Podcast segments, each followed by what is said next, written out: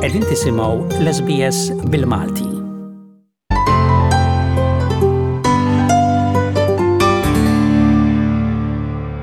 Il-Ġimgħa ta' Rikonċiljazzjoni Nazzjonali huwa ż-żmien għal l-Awstraljani kollha biex jitgħallmu dwar l-istorja Awstraljana, kulturi u kisbiet u biex jikkontribwixxu għal rikonċiljazzjoni billi jibnu relazzjonijiet aħjar mal-poplu Aboriġinu u Torres Strait Islander.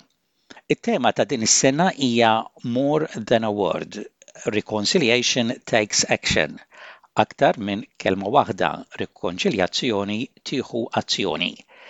Kif il-migranti jistgħu jieħdu azzjoni għar-rikonċiljazzjoni?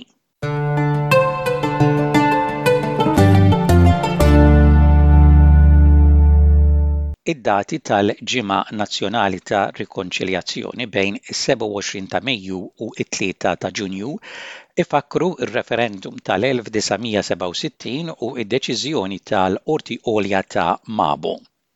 Karen Mandin ta' Nisel Bundayalang min-naħa ta' fuq ta' New South Wales hija l-Kap ta' Reconciliation Australia u tgħid li r-rikonċiljazzjoni hija vjaġġ għal l-Awstraljani kollha dwar kif naħsbu dwar ir-relazzjoni tagħna mal-ewwel Awstraljani Aboriġini u Torres Strait Islander u l-Awstraljani kollha kemm jekk għadek tasal l-Awstralja jew anke jekk ilek l-Awstralja għal ħafna żmien. Reconciliation, it's a journey for all Australians.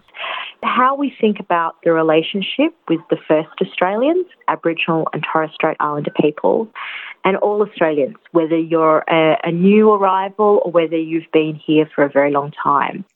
Ir-rikonċiljazzjoni hija esperjenza attiva u hemm ħafna modi sempliċi biex inkunu parti mill-ġimgħa ta' rikonċiljazzjoni nazzjonali. Hija opportunità għalina kollha biex inkunu involuti f'avvenimenti jew nieħdu parti fl-attivitajiet. When it comes to National Reconciliation Week, it's just an opportunity for us all to take a moment to think about those relationships, to put a spotlight on it, open up new conversations and encourage all of our communities um, to get involved in events or take part in activities. Bħala Kap tal-Federazzjoni tal-Kunsill tal-Komunitajiet Etniċi fl-Awstralja, Mohammed Ali Kaffaji ħeġġeġ lill-migranti kollha biex jieħdu parti fil-proċess ta' rikonċiljazzjoni. We have a very strong voice if we unite with First Nations people's voice. We know that they have welcomed us in this country. It's our duty and obligation to know the history, to know what those communities have gone through because We have similar experiences and similar drivers for change. We both face racism, we both face, I guess, injustice, and we both want equity of access in this country. Imma Karen Mandin tgħid li jista' jkun hemm raġunijiet għaliex ħafna migranti huma indifferenti għal proċess ta' rikonċiljazzjoni, imma tħeġġiġhom biex ikunu parti mill-ġimgħa ta' rikonċiljazzjoni nazzjonali din id-darba. Hija tgħid li ħafna drabi ma jkunux jafu minn fejn ser jibdew jew iħossuhom indifferenti.